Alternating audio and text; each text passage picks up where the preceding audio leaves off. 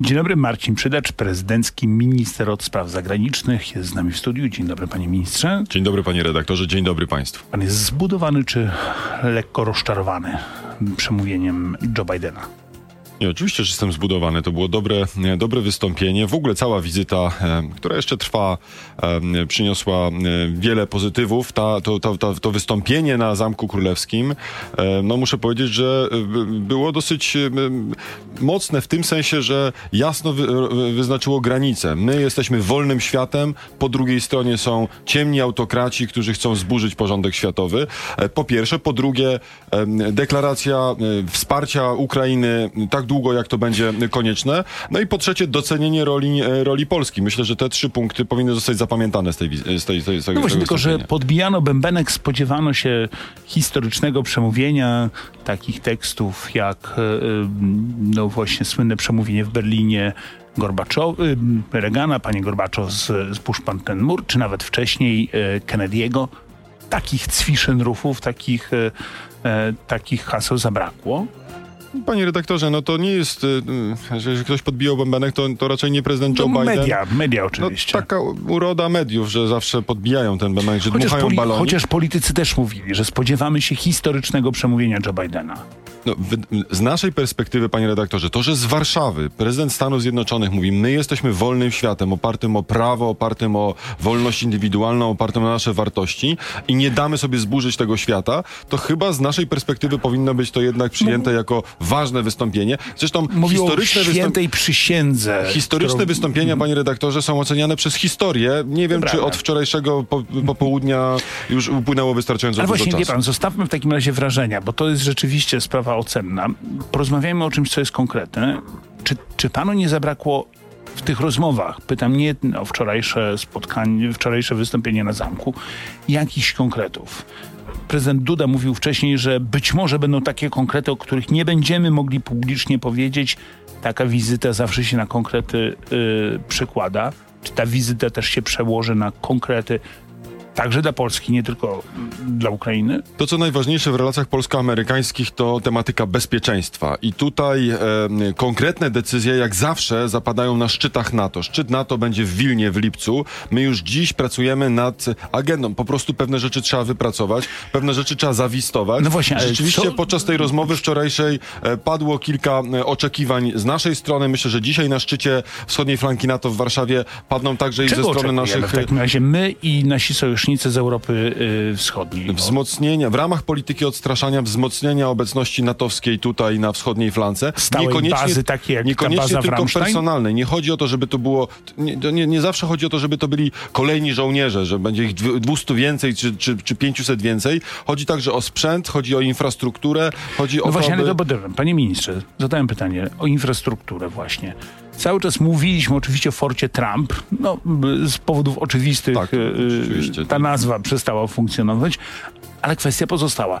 Czy my zabiegamy o to, by w Polsce powstała stała baza NATO, taka jak baza w Niemczech w Ramstein? Mówimy o tym, że się ciężar e, polityczny e, i strategiczny w Europie przesunął z Niemiec do Polski, no to być może i Ramstein powinno być w Polsce w Jasiące pod Rzeszowem. Ja, panie redaktorze, rozumiem, że dziennikarze oczekują takich spektakularnych wydarzeń, prawda, że z, z, dnia na, z tygodnia na tydzień e, baza Ramstein powstanie A w Polsce. pan zostawi dziennikarzy, tylko z- jeśli pan może odpowie na pytanie. Bardzo dziękuję.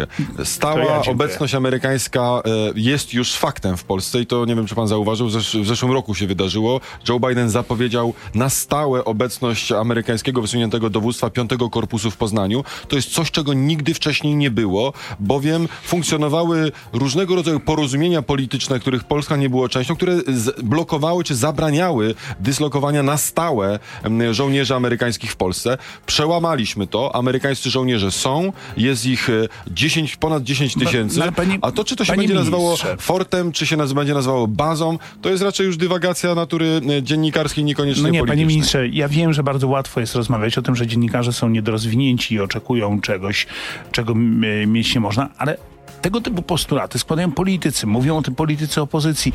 No, przepraszam, chwilę temu słyszeliśmy wypowiedź Bronisława Komorowskiego, byłego prezydenta.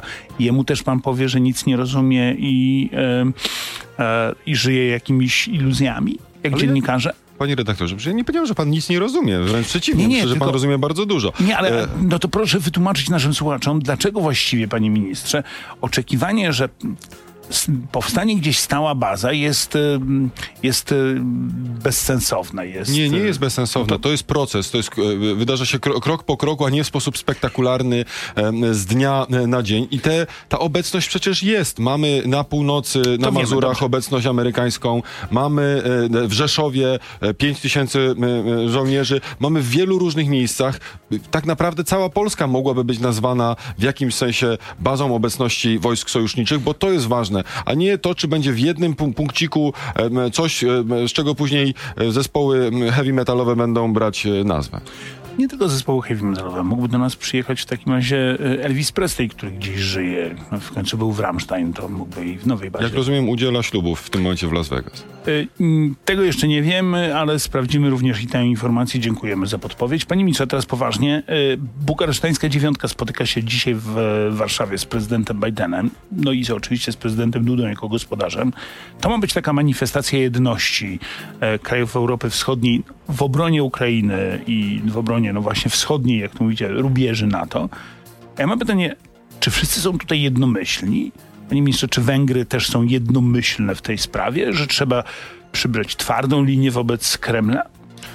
Panie redaktorze, no tak to jest w polityce międzynarodowej, że pojawiają się także i różnice. Rzeczywiście Węgry, jeśli chodzi o politykę bezpieczeństwa, politykę wschodnią, e, prowadzą inną politykę niż my byśmy sobie tego życzyli, no ale to są suwerennym państwem. My staramy się ich w jakiś sposób e, przekonywać i przyciągać, między innymi w ramach takiego formatu. Pani prezydent Katalin Nowak jest już w Warszawie, będzie dzisiaj rozmawiać ze swoimi e, kolegami i z panem prezydentem Dudą, i z prezydentem Joe Bidenem, i z innymi prezydentami. Zobaczymy, jaki będzie finalny efekt. Mam nadzieję, że będzie wy, przyjęta odpowiednia deklaracja. W tej deklaracji em, wypowiemy się także i na temat rosyjskiej aktywności, na temat em, Ukrainy, na temat tego, co jako państwo No dobrze, wschodniej pytamy- flanki na to pytałem- możemy robić, żeby Rosję odstraszyć. Pytałem o Węgry, czy oni są równie zdeterminowani. O tym jeszcze będę z panem rozmawiał. Będę też pytał o to, jak wyglądały te rozmowy od środka.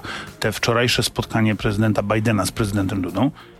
Ale teraz pan pozwoli, że na sam koniec spytam o, to, o ten gest, który wszyscy widzieli na zdjęciach y, w mediach społecznościowych. O spotkanie prezydenta Dudy z Donaldem Tuskiem, do którego doszło przy tej, przy tej okazji. To, to nie było, rozumiem, zaplanowane. Nie, to nie było zaplanowane. Tak to jest, że kiedy mm, przechodzą ludzie obok siebie, prawda, czasami podają sobie rękę, witają się. No, w polskiej polityce to nie, nie było normą, więc ty, tym bardziej wszyscy z, z zdziwieniem przyjęli taką postawę prezydenta, który podszedł do Donalda Tuska uściskać mu dłoń. Rzeczywiście pan prezydent przechodził, było e, w pierwszym rzędzie siedzieli różni politycy. e, e, Jako człowiek grzeczny, dobrze wychowany, wita się z wszystkimi. Myślę, że dyskusja na temat tego spotkania, mówię w cudzysłowie, wzięła się z tego, że podobne uścisk dłoni miał, miał Donald Tusk z Joe Bidenem, jak wielu innych ludzi wczoraj w tym sensie przechodzili, witali się. No tylko niestety mam wrażenie, że spin doktorzy czy PR-owcy panów z opozycji, delikatnie mówiąc, przegrzali to, mówiąc, że to wielkie, ważne spotkanie. To po prostu był uścisk dłoni przechodzącego człowieka. E, Tak było w przypadku Rafała Trzaskowskiego, tak było w przypadku pa, e, pana marszałka Grodzkiego. No, Joe Biden jest grzecznym człowiekiem. Jeśli ktoś do niego podchodzi i się wita i mówi, że chce sobie zrobić selfie czy zdjęcie, to pewnie mu nie Jak odmawia. wyglądały spotkania grzecznych ludzi? To z tym pytaniem pana zostawiam, a naszych słuchaczy z Radia RMF żegnam. Zapraszam do internetu. No to zostawiłem pana z pytaniem i czekam na odpowiedź.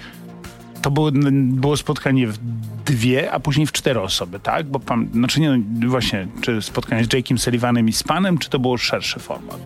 To było przede wszystkim spotkanie panów prezydentów. E, em, My jako doradcy e, byliśmy e, obok, Mhm. przysłuchując się rozmowie w razie potrzeby, ewentualnie e, coś dopowiadając czy podpowiadając. Czy To były rozmowy- dobre rzeczywiście Tak, rozmowy. czy takie roz, to jedno pytanie, czy takie rozmowy, takie spotkania są wyłącznie kurtuazyjne, ponieważ wszyscy wiemy, co tam może paść?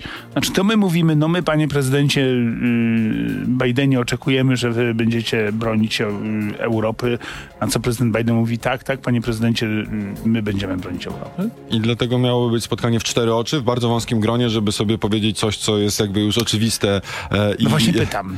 No nie, spotkanie w czteroczy ma to do siebie, panie redaktorze, też nie za bardzo można o nim mówić Nie, no później więc ja nie oczekuję, że pan poda nam konkrety i mm, stenogram. Mogę nam. panu powiedzieć, o czym, o, czym, o czym była rozmowa. Oczywiście była rozmowa o tematyce bezpieczeństwa e, e, Polaków, e, tutaj Polski, wschodniej flanki NATO, to co możemy robić jeszcze, żeby mm, podnosić te poziomy bezpieczeństwa. Była też rozmowa, czy może głównie także i o sytuacji na Ukrainie i możliwych scenariuszach. Panowie prezydenci dzielili się opiniami, dzielili się swoimi, w tym sensie przemyśleniami, a co uważasz, że co się może wydarzyć w tym kontekście, a co się może wydarzyć w tym kontekście, co byśmy o zrobili e, e, wspólnie razem. Tego Czy typu o rozmowa. jakichś scenariuszach pokojowych, na przykład tego, czy i kiedy, pod jakimi warunkami mogłoby dojść do no, pokoju na Ukrainie? Panie redaktorze, na tym etapie nie ma warunków do jakichkolwiek e, rozmów e, pokojowych. Te, trwa wojna.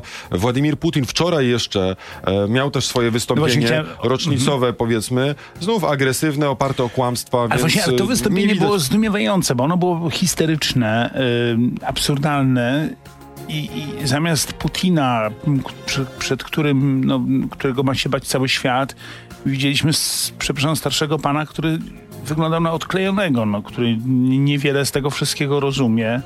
Nie ma pomysłu na wyjście z tej sytuacji. Mówi tylko Rosjanom, no jeszcze się trochę potrzymajcie, jeszcze trochę, jeszcze trochę, chociaż nie mówi w zasadzie, a co dalej.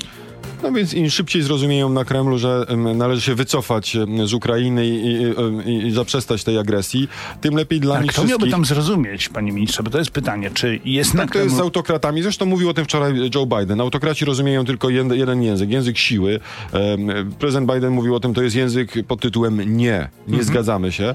E, I myślę, że tak to wyglądało. Zresztą projekcja też e, siły amerykańskiej, to, że amerykański prezydent e, pojechał do Kijowa, że udało się to wszystko utrzymać w tajemnicy, w bezpieczeństwie. Myślę, że pytanie- musiała zrobić wrażenie na, Władimirze, na Władimirze Putinie. No, chociaż on przecież o tej wizycie wiedział. No parę godzin przed, no ale... No, ale z drugiej strony właśnie Paweł Zaleski wczoraj tutaj w tym studiu mówił, że tą wizytą Joe Biden upokorzył Putina. Po- Powiedział mu, nie, nie, nie będziesz teraz strzelał, bo teraz ja jadę do Kijowa. No rzadko mi się zdarza zgodzić z panem posłem Zalewskim, ale tutaj rzeczywiście ma rację. Uważam, że to było, to na, na, na pewno e, e, e, zdumiało to Rosjan. Znaczy, odwaga, z jednej strony determinacja, ale też to, że e, Amerykanie umieli przeprowadzić tą operację w taki sposób bezpieczny. Przecież wiadomo, że bezpieczeństwo prezydenta Stanów Zjednoczonych dla ich służb jest absolutnie najważniejsze.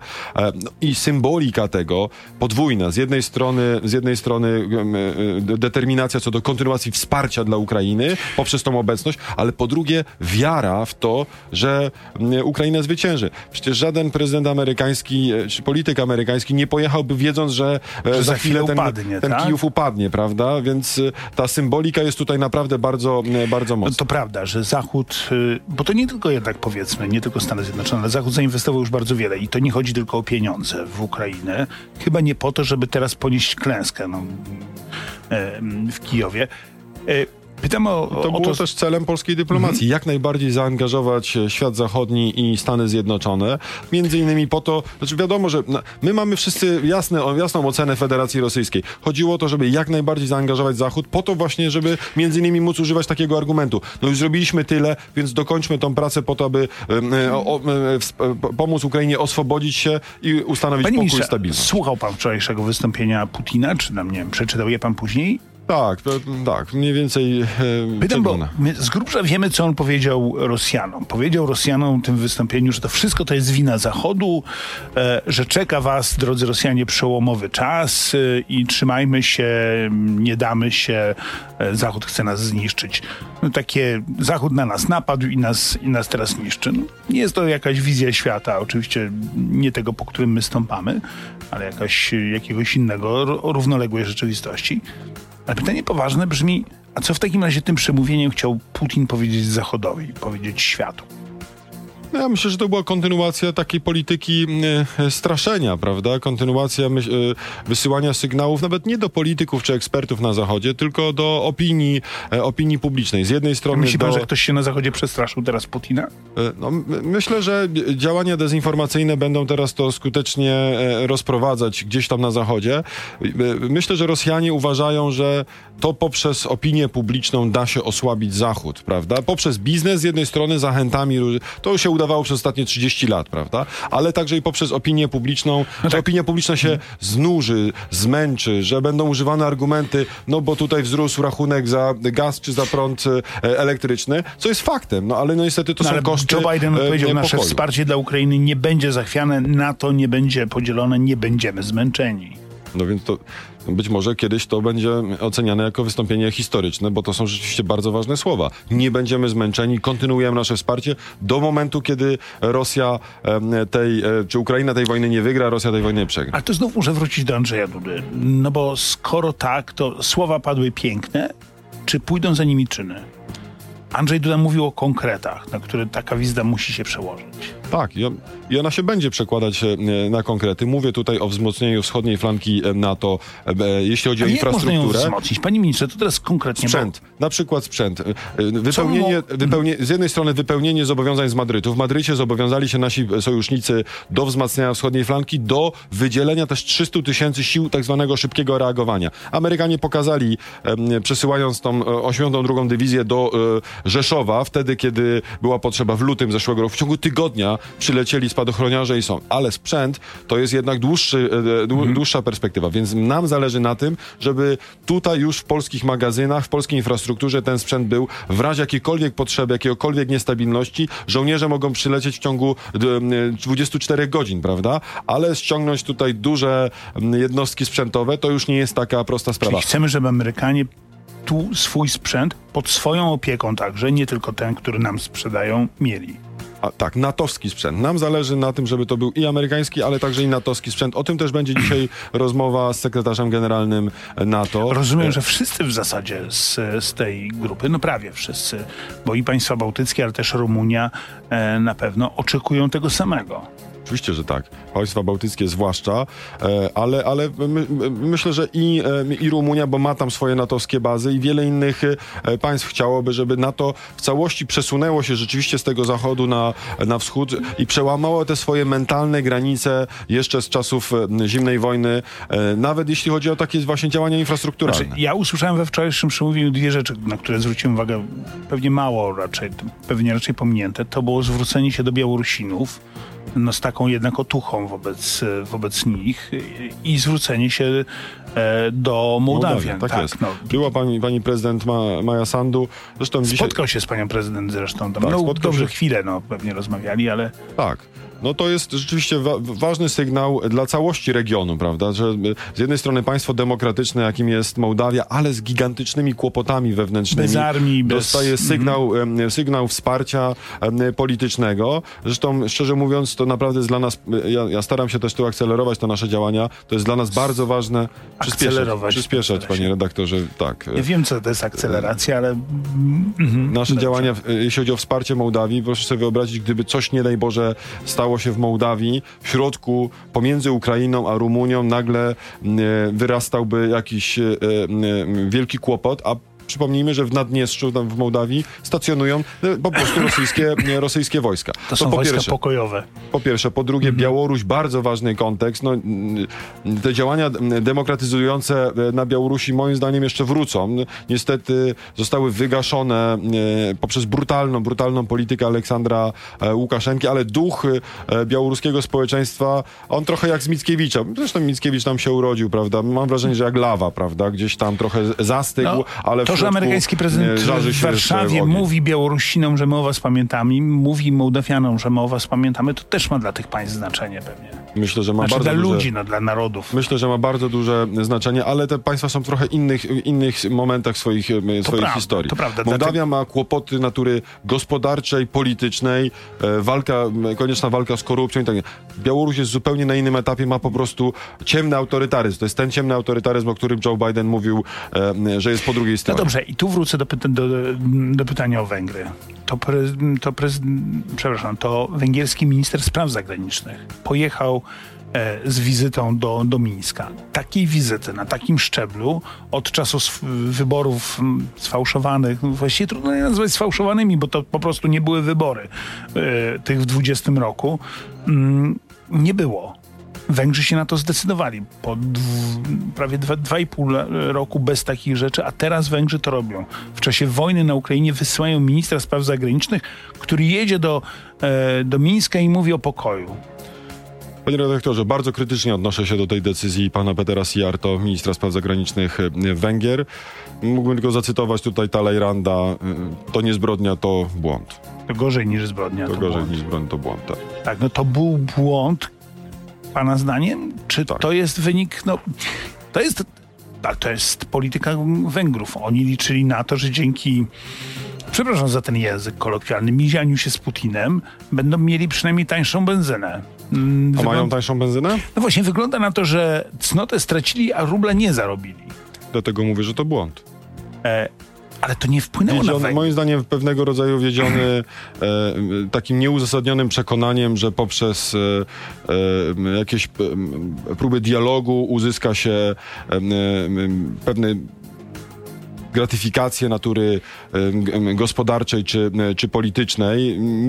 E, tak jakby, jakbyśmy nie rozumieli, czym jest tak naprawdę moskiewski autorytaryzm e, i jak odnosi się do jakichkolwiek prób dialogu. Z reguły przecież odnosi się właśnie z pogardą, czy z, e, odczytuje to jako oznakę słabości. No tak, który, którą to słabość traktuje jednoznacznie. Ale panie ministrze, jeszcze jedno pytanie, bo mówimy to jest oczywiste, e, o tym, co się dzieje w Europie, w Europie Wschodniej. Tymczasem słyszymy o tym, że ma dojść do spotkania prezydenta Chin z prezydentem Rosji. I ta wizja, że Chiny wesprą Rosję, nie wiem, choćby właśnie dostawami sprzętu, to byłoby już bardzo poważne tak, to prawda. To... Mm, wydarzenie. Od wielu, wielu miesięcy jako świat zachodni wysyłamy pewne sygnały w kierunku e, Chińskiej Republiki Ludowej. No oczywiście głównie Stany Zjednoczone, ale także i nasi sojusznicy z Zachodu, mówiąc, że wsparcie bezpośrednie, gospodarcze czy militarne Chin no, spotkać się będzie musiało z twardą odpowiedzią, e, także i gospodarczą po stronie, po stronie świata zachodniego. E, ja cały czas mam nadzieję, że poprzez te rozmowy i tego typu sygnały strona chińska jakby zrozumie, że nie opłaca się tak naprawdę wspierać strony przegranej. Zresztą Chińczycy e, mają swoje interesy zupełnie gdzieś w no innym właśnie, miejscu. mają interesy. Chińczycy w tej chwili pewnie modlą się, żebyśmy nie zamknęli ostatniego połączenia drogowego i kolejowego z Białorusią, bo tamten, tamten idzie, idą towary z Chin.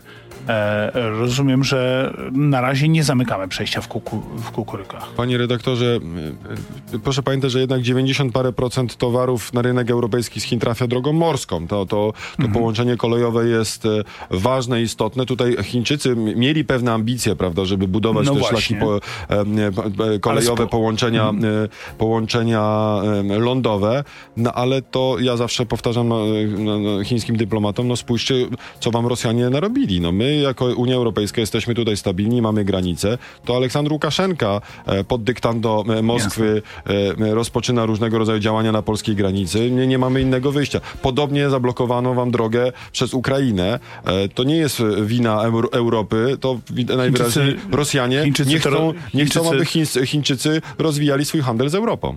Krótko, Chińczycy to rozumieją?